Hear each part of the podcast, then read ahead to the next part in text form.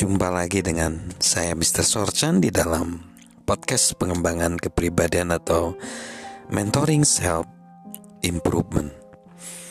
Ada pengalaman uh, Pak John C. Maxwell pada tahun 1976. Dia menerima hadiah dari Island Beavers yang saat itu adalah asisten dia.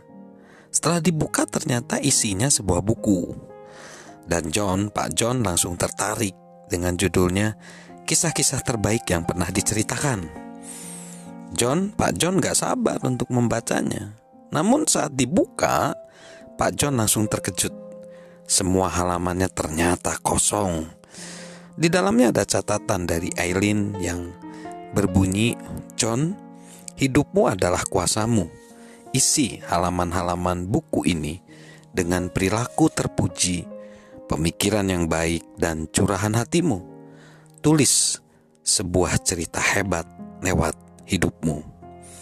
Dan Pak John langsung ingat kegembiraan dan dia langsung semangat. Jadi untuk pertama kalinya dia sadar bahwa penulis kehidupan adalah diri dia sendiri. Dan setiap lembaran itu ditulis sesuai dengan keinginannya. Nah, itulah sebenarnya yang menjadi kita juga sadar bahwa halaman-halaman hidup kita perlu diisi dan kita semua pasti ingin mencapai hidup yang bermakna. Nah, gimana sih kunci hidup yang penuh makna? Sebenarnya adalah menjalani tiap hari hidup kita dengan penuh rencana, dengan perencanaan. Ketika menjalani tiap hari dengan perencanaan, hampir tidak ada batasan tentang apa yang bisa kita lakukan. Kita bisa mengubah diri, keluarga, komunitas, dan bangsa. Jika banyak orang yang melakukannya, maka mungkin ya, dan tak sulit untuk kita mengubah dunia. Ketika kita secara terencana menggunakan tiap hari untuk membawa perubahan positif untuk hidup orang lain, berarti kita mulai menjalani hidup bermakna. Coba perhatikan uh, speech emosional dari Reese Witherspoon setelah dia memenangkan gelar artis terbaik di Academy Award tahun 2006 atas perannya sebagai June Carter Cash dalam film Walk the Line.